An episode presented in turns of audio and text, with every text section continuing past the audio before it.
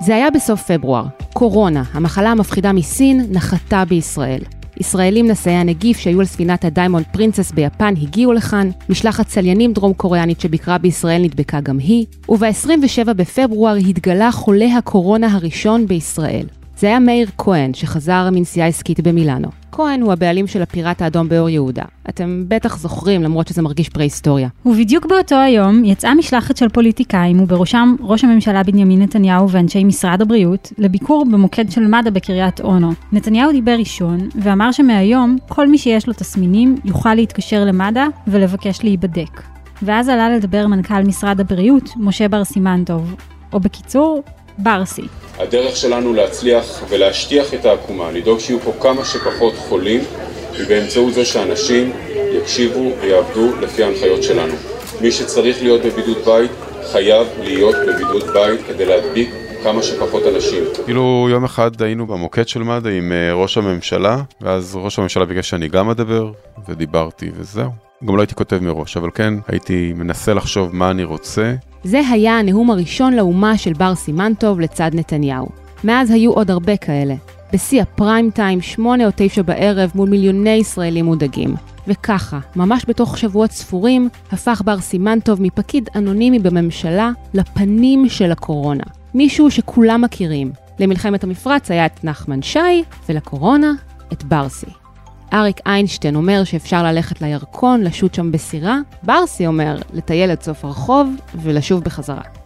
כוכב נולד. היה משהו קצת overwhelming בסיטואציה, לא כתבתי לי את הדברים, פשוט לא היה זמן, אבל כן מה המסר שאנחנו רוצים uh, להגיד. אני מרגיש שפשוט באיזושהי נקודה זה היה, שאתה קצת מתנתק מהדבר הזה. לא, לא עשיתי איזושהי חשיבה מיתוגית. הבנתי שאני צריך להיות גם בקו האש הזה. כלומר, באיזשהו שלב זה נהיה קו אש, אבל הבנתי שאני צריך להיות בו. ומה דעתך על הדמות שעשו לך בארץ נהדרת? כל אזרח צריך מהיום להצטייד ברצוענים תחת עם קולר. צד אחד, מחברים לצוואר, ואת הצד השני לדלת הבית או הבניין, ואתם חופשיים לרוץ, אחרי 100 מטר זה יעצור לבד. שהיא לא דומה לי, אבל שהיא חביבה מאוד. אני הופתעתי מזה דווקא שתופסים אותי כמישהו עם הבעה אחת. היי, אני הילה וייסברג. אני שני אשכנזי. והיום בצוללת, ראיון פרישה קצת אחר עם משה בר סימנטוב, המנכ"ל היוצא של משרד הבריאות ומר קורונה. אני עוד לא מרגיש שאני מסוגל לסכם את האירוע הזה. המילה קורונה ורטרוספקטיב עוד לא מתחברות לי. אני לא יוצא בטראומה מהאירוע הזה, אבל זה אירוע שאני עדיין חי אותו. עוד לא הפסקתי לחיות אותו. יכול להיות שאם, לא יודע, נעשה את הרעיון עוד חודש, אני אחשוב אחרת.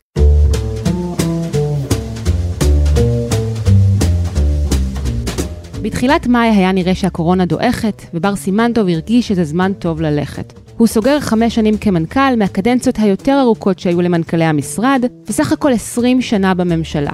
לפני התפקיד הזה הוא היה סגן הממונה על התקציבים במשרד האוצר. אז הוא שמר על הקופה, ואחר כך כמנכ"ל עבר לצד השני של המתרס. הוא עמד מול החברים שלו באוצר וביקש עוד כסף, עוד תקציבים למערכת הבריאות המורעבת. את הפרישה מהתפקיד חשב שיעשה הרבה קודם, אבל אז הגיעה הקורונה ושינתה את התוכניות. היו בחירות באפריל 19, אמרתי באוקטובר יהיה תקציב, ואז אני אעזוב. ואיך ההרגשה עכשיו לקראת סיום? אתה מצפה מעצמך להרגיש כל כך הרבה תחושות, ואז זה לא קורה, ואתה לא יודע אם להתאכזב מעצמך. המינוי שלך זה היה צריך לעלות ביום ראשון, ודיברתי על זה עם אה, נועם, ראש המטה אומר לי, אתה מבין שממחר אתה לא מנכ"ל משרד הבריאות, אתה לא חותם יותר על אה, מכתבים, כל הפעולות שאתה עושה אתה מפסיק לעשות אותם ברגע אחד. אז אמרתי לו, אני חושב שכן, זה מרגיש מוזר, אבל אני חושב שכן, ואז קיבלנו עוד שבוע. אז אני ממשיך לחתום על מכתבים, ואומרים שיש כאלה שהולכים בלי לומר שלום, וכאלה שאומרים שלום ולא הולכים. הילדים שלך כעסו על כל הזמן הזה שנעדרת מהבית? א', מאוד.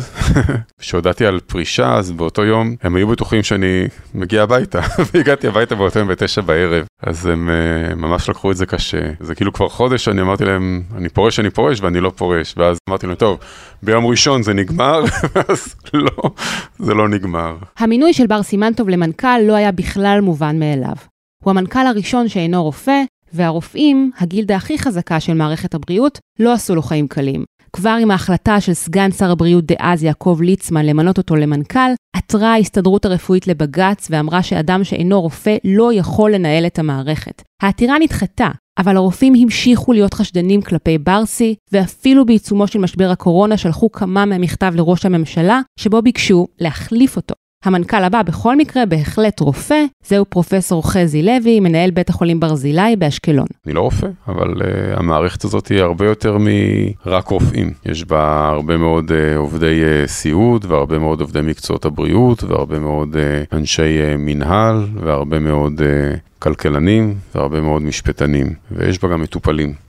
באיזשהו שלב מישהו אמר שהוא לא מבין את התודעה שלנו ואת האתוס שלנו, ואני חושב שזאת אמירה שיכול להיות שאם כדי להבין את האתוס ואת התודעה צריך להיות רופא, אז אני אכן לא מבין את האתוס והתודעה, וזה בסדר. ואני חושב שאח או אחות יכולים לנהל את מערכת הבריאות, ופיזיותרפיסט יכול לנהל את מערכת הבריאות, וכלכלן. רגע, אבל איך אתה רואה את העובדה שיש דוח חריף מאוד של החשב הכללי באוצר לגבי המחליף שלך, פרופסור חזי לוי? הדוח מדבר על זה שהנהלת בית החולים ברזילי התנהלה בהפקרות, הוא מדבר על חשד לניגוד עניינים, התקשרויות פסולות. כשהתייעצו איתי צירפתי את המלצתי בנוגע לחזי. אני חושב שהוא איש אה, מצוין, אני מכיר אותו עוד מ-2011 כמנהל ברזילי, בית החולים שלו באמת ליטרלי עבר אה, מהפך, הוא פשוט נבנה מחדש בפרויקט אה, מאוד גדול.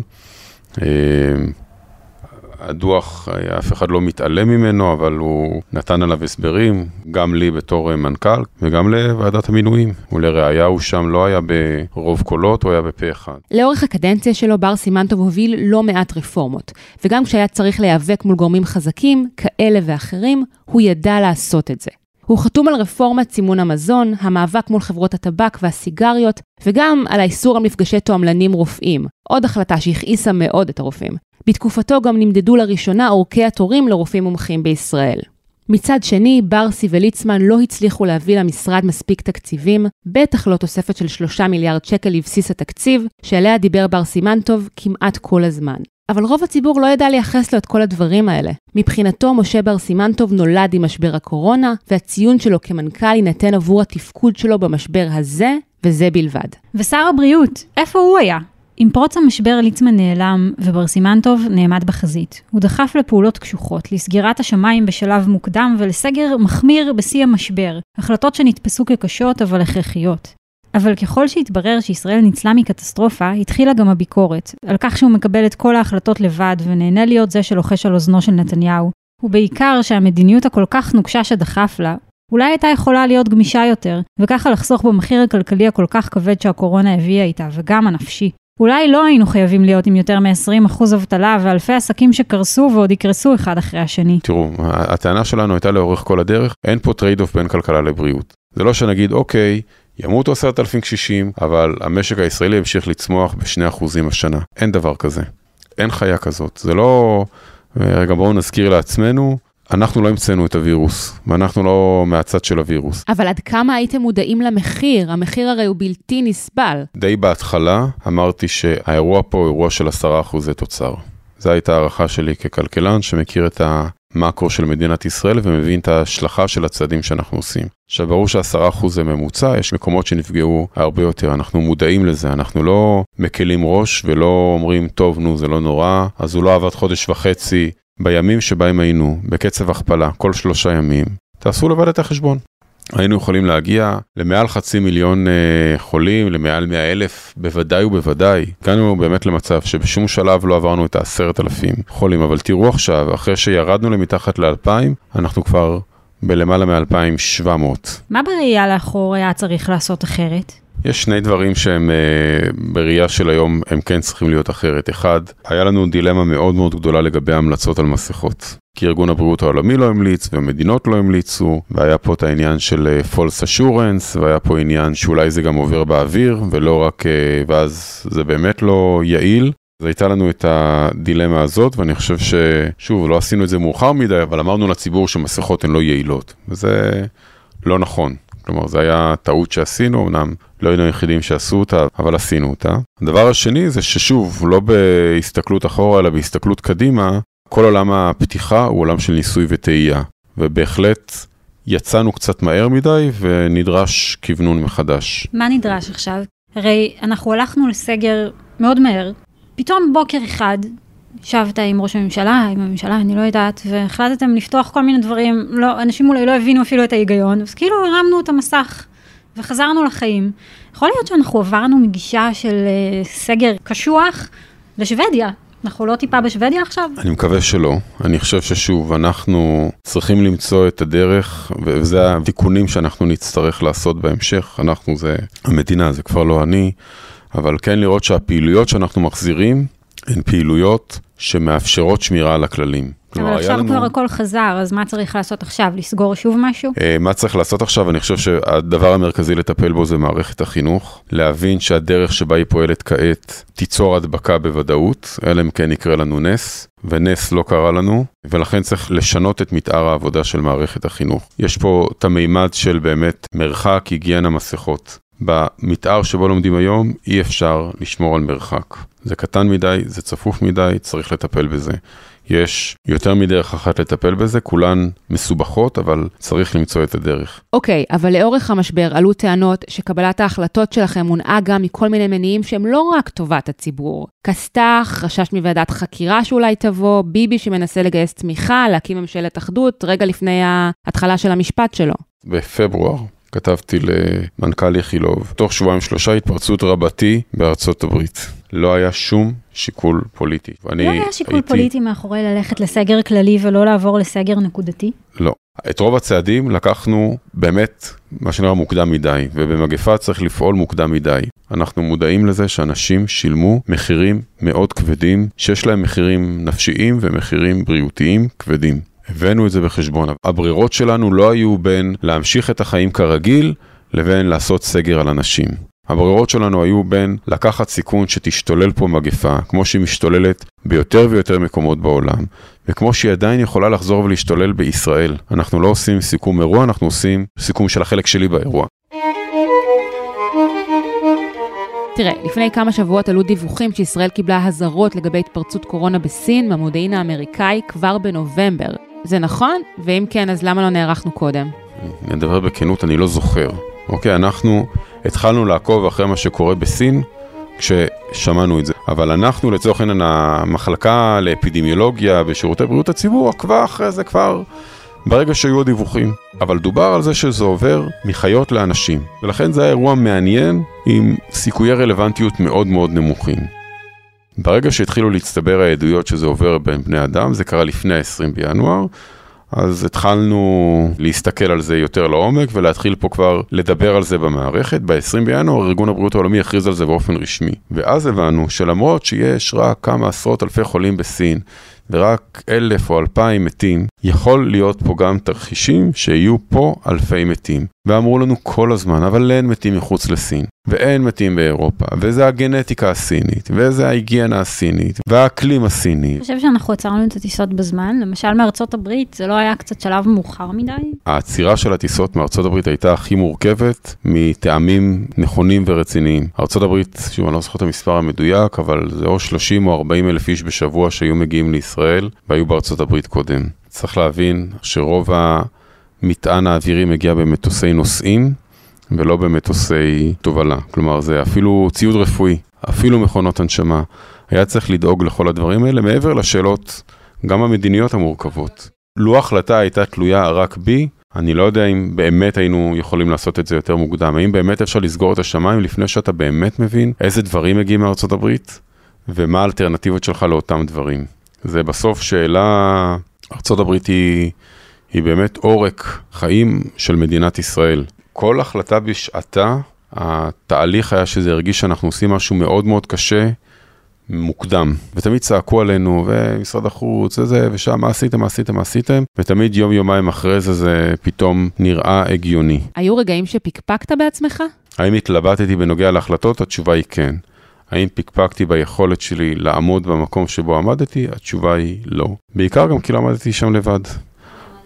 עם הנהלת המשרד, שחלקם היו בפרונט ואתם uh, מכירים אותם, אבל היו עוד הרבה מאוד אנשים יותר uh, אלמונים, אבל לא פחות uh, חשובים.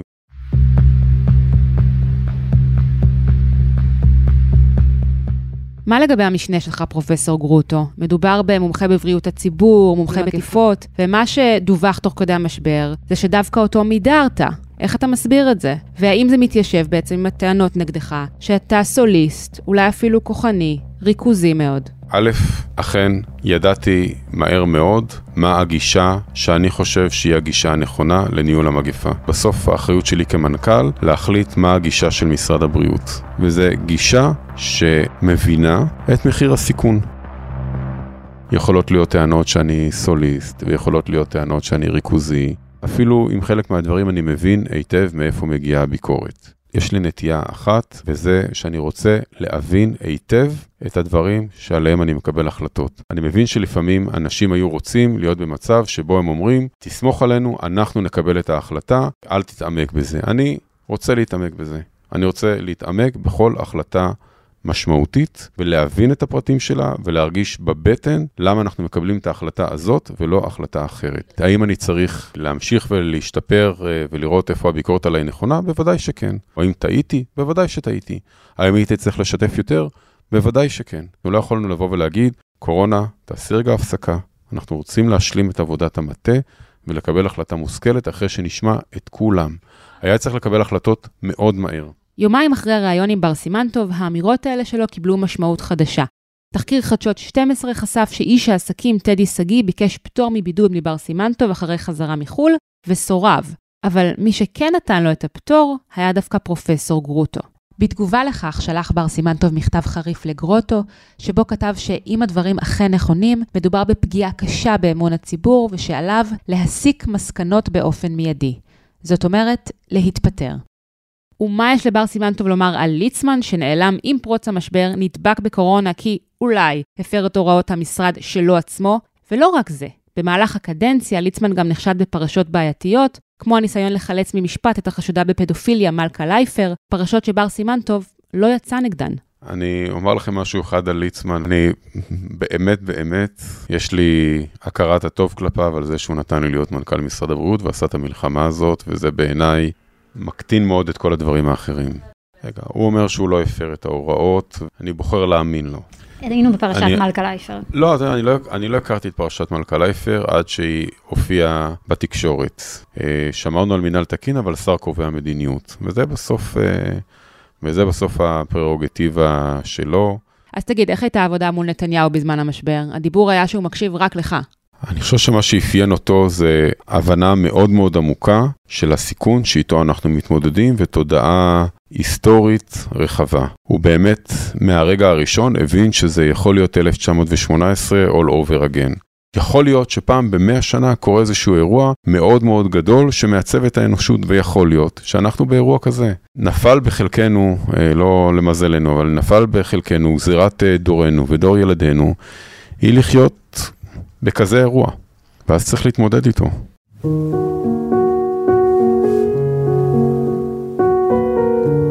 כשהמשק התחיל להיפתח, הייתה הרבה ביקורת לגבי איך שההחלטות התקבלו ולגבי הנהלים. למה חנויות ריהוט כן, שלא לדבר על חנויות איקאה וביגוד לא? למה ספורט כן, גינות משחקים לא? למה מסעדות כן ואירועים לא? ההיגיון פשוט לא היה ברור ואנשים התבלבלו לגמרי. אני מקבל את הביקורת הזאת עומס קבלת ההחלטות שהיינו צריכים לקבל מאוד מהר, לחשוב על אינסוף מתארי פעילות ופרטים, נוצר באופן מובנה חוסר קונסיסטנטיות. כי גם עכשיו אומרים לנו, למה אירועים, חתונות כן, אבל מסיבות סיום בבית ספר לא. איקאה זה נקודה שחשובה לי, כי אפרופו טעות, איקאה הייתה טעות. נקודה. האם ידענו שאנחנו עומדים לפתוח את איקאה? לא היה לנו מושג.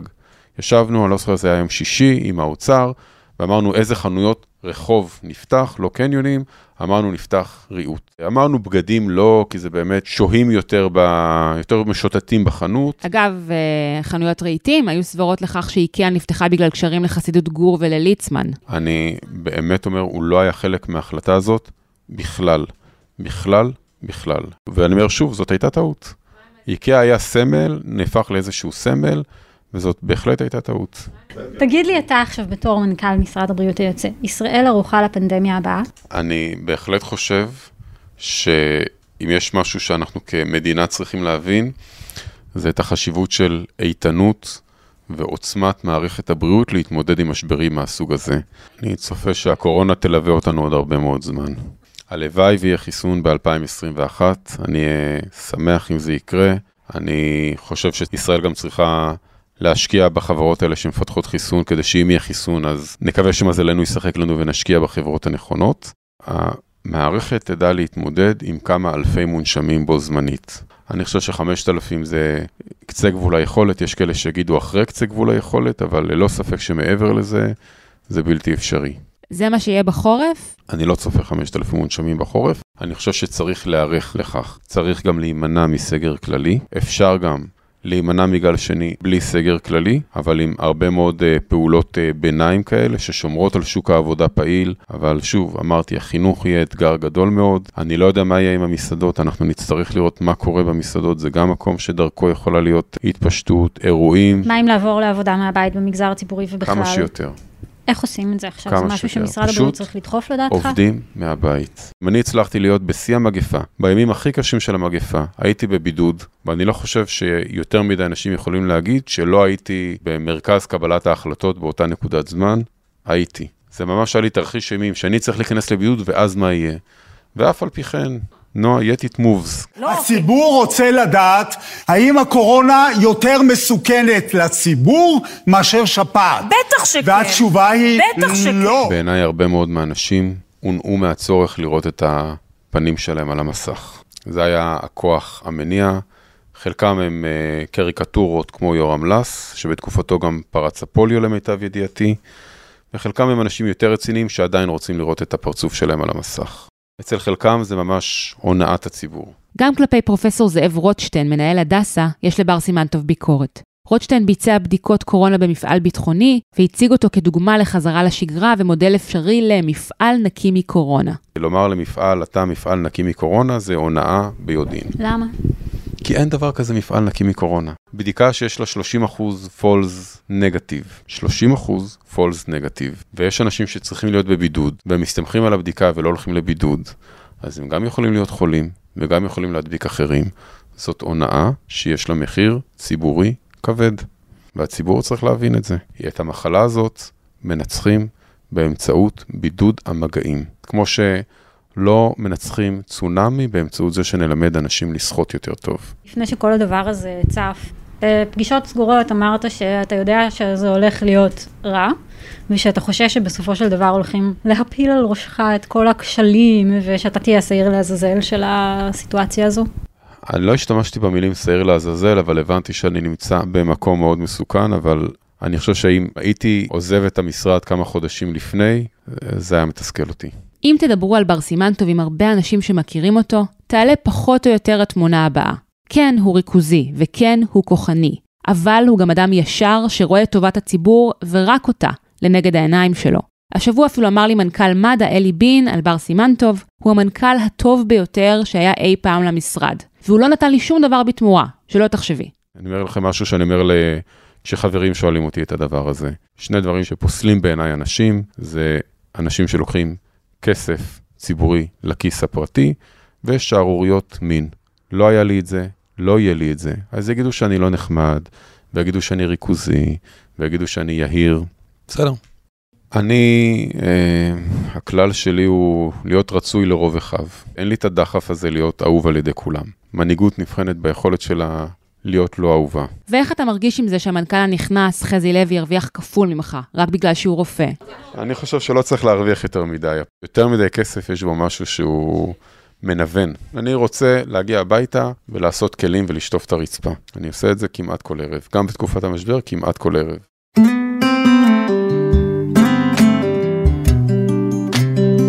אתה יודע מה? הרי יש לך עוד הרבה שנים בשוק העבודה, אז איזה תובנה ניהולית אתה לוקח איתך מהתקופה הזו עכשיו, ואומר, בתפקיד הבא שלי, את זה אני אעשה אחרת. לא יודע, אני רוצה קצת לנוח משוק העבודה. אה, אני מאוד טוטאלי לגבי מקומות העבודה שלי. זה דבר אחד שאני לא יודע אם אפשר לשנות אותו, או נדרש לשנות אותו, או ניתן לשנות אותו. בעולם העבודה העתידי שלי אני מחפש אה, לעשות דברים אחרים. אני הייתי 20 שנה בשירות הציבורי ואני רוצה לעשות משהו אחר. עד כאן עוד פרק של הצוללת. מוזמנות ומוזמנים לעקוב אחרינו באתר גלובס, בספוטיפיי או באפליקציית הפודקאסטים האהובה עליכם.